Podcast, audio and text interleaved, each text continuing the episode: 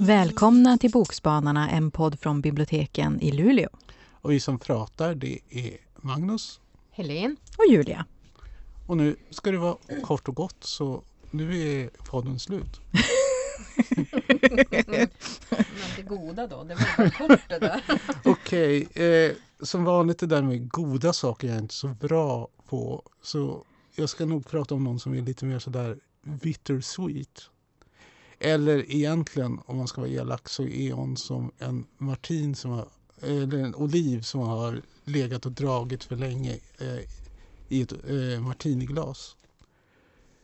För jag ska prata om Dorothy Parker som är en av de roligaste eh, kvinnor jag känner till. Men hon är också en av de mest skrämmande. Oj, oj. Mm. Alltså, eh, Dorothy Parker hon levde i USA och dominerade New York-intelligentian under mellankrigstiden. Och hon var känd liksom för sin... Eh, på engelska kallar man det för wit. Jag har inte hittat någon riktigt bra svensk översättning. Alltså det är ju inte riktigt att vara rolig utan det är liksom, finns ofta en sån där liten hulling och när man läser hennes eh, noveller, så ibland, även om man skrattar, så kan det kännas lite som någon rappar en på fingrarna med en linjal. Och Dorothy Parker själv eh, uttalade sig, hon hade liksom någon sån där stjärnstatus. Hon liksom var the top of the pitch av New York intelligensia. Och det sa hon, eh, det är inte speciellt svårt. För att vara en stjärna för de här människorna så räcker det att man är en lysmask. hon har eh, lämnat efter sig, hon har dels skrivit poesi, hon har skrivit ett antal noveller och det är egentligen de jag läst. Och de är någon sån här märklig absurd humor på kanske tre, fyra sidor. Ibland känns det som att när man sitter på bussen och i varje fall, det här måste jag erkänna, när jag åker buss, jag kan inte göra det längre därför jag tjuvlyssnar alltid på människor.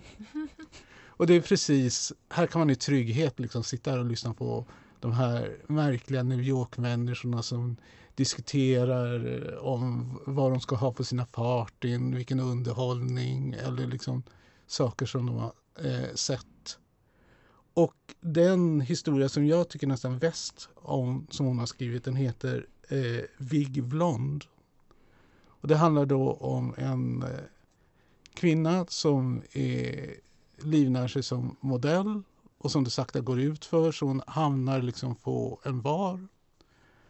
Och det enda sättet hon liksom lyckas ta sig runt är genom att vara en good sport. Alltså vara, gå runt och dunka de andra i ryggen och liksom eh, vara moderlig, flörta lite grann, skratta åt mäns eh, skämt.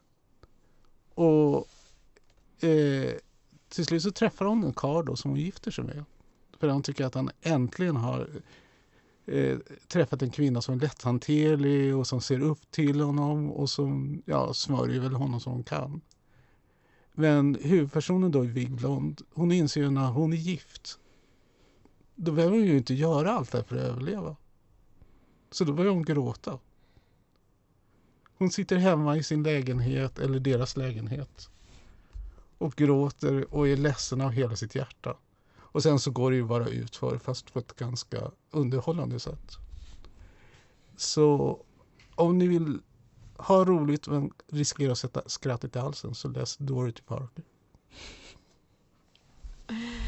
Ja, nu kommer jag vara lite olydig här men jag kommer att vara kort i alla fall. Mm. Men jag måste ta fyra böcker. fyra böcker? jag, kan inte, jag kan inte bestämma mig. Men jag kommer att vara jättekort.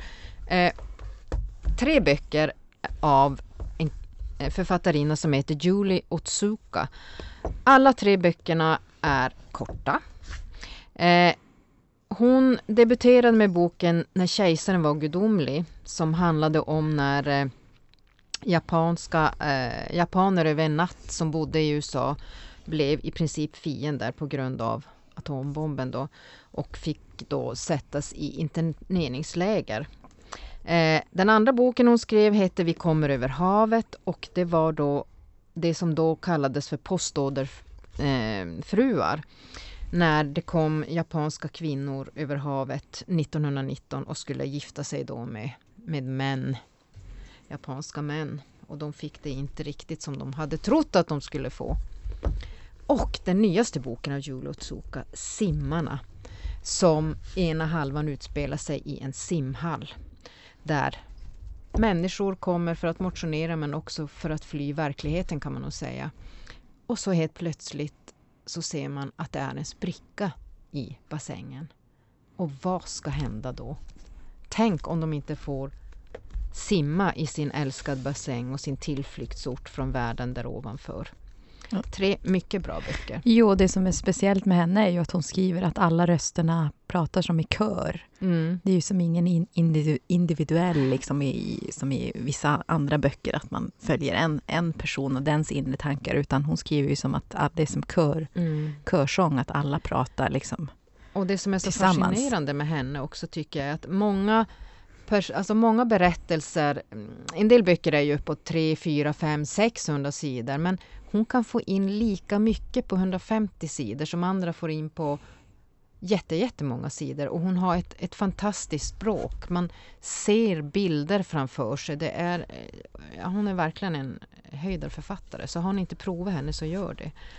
Det är ju kanske inte sån här eh, man kanske inte skrattar när man läser de böckerna men jag måste bara ta då en bok som man verkligen skrattar när man läser och det är Ellen Bennets Drottningen vänder blad. När den engelska drottningen är ute med sina hundar och de skäller fan, fanatiskt och hon är tvungen att gå in på bokbussen och be om ursäkt och börjar då låna böcker och slutar nästan att regera. Så hennes anställda de måste komma på något sätt för att få, få henne tillbaks till verkligheten för hon vill bara ligga och läsa. Och där får man skratta. Eh, Allen Bennets Drottningen vänder blad. Kort och gott, fyra böcker. Okej, okay. härligt. Eh, jag har också läst en kort roman. Den är väl på ungefär 100 ska vi säga, den här 150 sidor med fantastiskt språk och det, den heter Syskonen av Margareta Lindholm. Eh, och då befinner vi oss på landsbygden och det här handlar ju om livets gång. Årstiderna växlar, saker växer och saker förmultnar. Eh, men eh, i den här lilla bubblan så börjar ju omvärlden tränga sig på för vår huvudkaraktär. Eh, som jag sa, fantastiskt språk. Författaren lyckas bygga upp en stämning och har valt sina ord med omsorg. Och vi får ju som följa en person som lever lite utanför tiden och samhället. Vi möter Maria som bor kvar i föräldrahemmet och är nu ensam ansvarig för familjens arrende efter att hennes pappa hamnat på vårdhem med demens. Hon älskar sitt hem och sin omgivning. Hon älskar ju varje träd och sten. Hon jobbar hårt för att ta hand om det att kunna uppfylla det här arrendeavtalet de har då med Svenska kyrkan som är den som äger den här marken. Ehm. Och hon finner ju sin styrka och sin frihet i det här livsvalet hon har gjort, att bo kvar här och ta hand om skogen. Ehm, och att leva är ju att arbeta och det finns alltid någonting att göra. Och hon blir som mer trött av att vara ute bland folk. Hon vill vara för sig själv. Eh, så hon fortsätter i föräldrarnas fotspår där. Men plötsligt efter många år så återvänder hennes tvillingbror för han har tillbringat då tid på mentalsjukhus. Eh, och det var ju alltid någonting som inte riktigt stämde med hennes bror redan som barn. Och hon, hon tänker som tillbaka och minns, minns hur det var.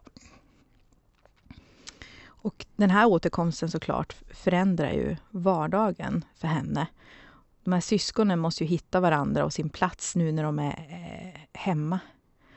Eh, och det finns ju mycket oro hur det ska gå för den här bro, brorsan när han är hemma. Ska han lyckas ta, ska han ta, kommer han ta sin medicin? Kommer han liksom kunna... Eh, kommer det gå bra för honom? Och så finns det ju den här oron också för ekonomin och för gården. Kommer de lyckas få ihop, ihop nog mycket pengar?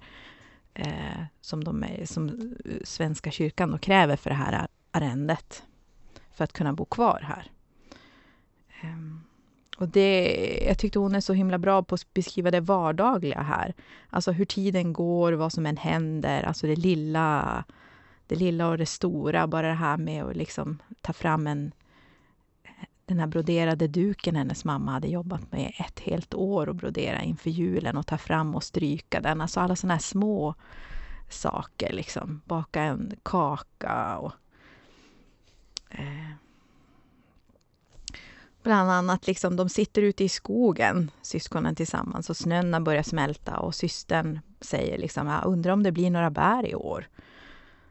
Och så stryker hennes bror liksom handen över några kvistar som sticker upp och mumlar liksom, äh, det, det, blir det nog, det skulle jag tro att det blir. Och så klappar systern honom på armen och så sitter de kvar där liksom i tystnad. Bara den här hur hon bygger upp alltså små sådana här scener. Det behöver liksom inte vara något speciellt utan de bara sitter liksom och så i tystnad ibland bredvid varann. Eh, jag tyckte väldigt mycket om den här och så som bonus skulle jag eh, vill även tipsa om en av mina favoriter. Det är franska författaren Marie-Hélène Lafon som hon också skriver på det här temat med åldrande syskon ute på landsbygden. Och då kan jag rekommendera eh, hennes bok De sista indianerna. Och den har jag tipsat om flera gånger. Så jag tycker man ska läsa Syskonen av Margareta Lindholm. Jag vill ju också bonustipsa men jag kommer inte på något. ah. Men jag tipsar ju för helt, ett helt kompani så att du kan få vara med på tunneln. Jag känner mig lite lurad kort skulle det vara. eh, men nu när du tipsar om ett kompani, vilka tipsar du då? Ellen Bennett, Drottningen vände blad och tre böcker av Julie Otsuka. När kejsaren var gudomlig, Vi kom över havet och Simmarna. Och jag tipsade om Dorothy Parker och en bra antologi med hennes noveller det är En enda ros. Fantastiskt. Och jag lovar att nästa avsnitt då ska jag bara tipsa om en bok. Nej, 15. ja men tack för den här gången. Ja, mm. hej då. Hej då.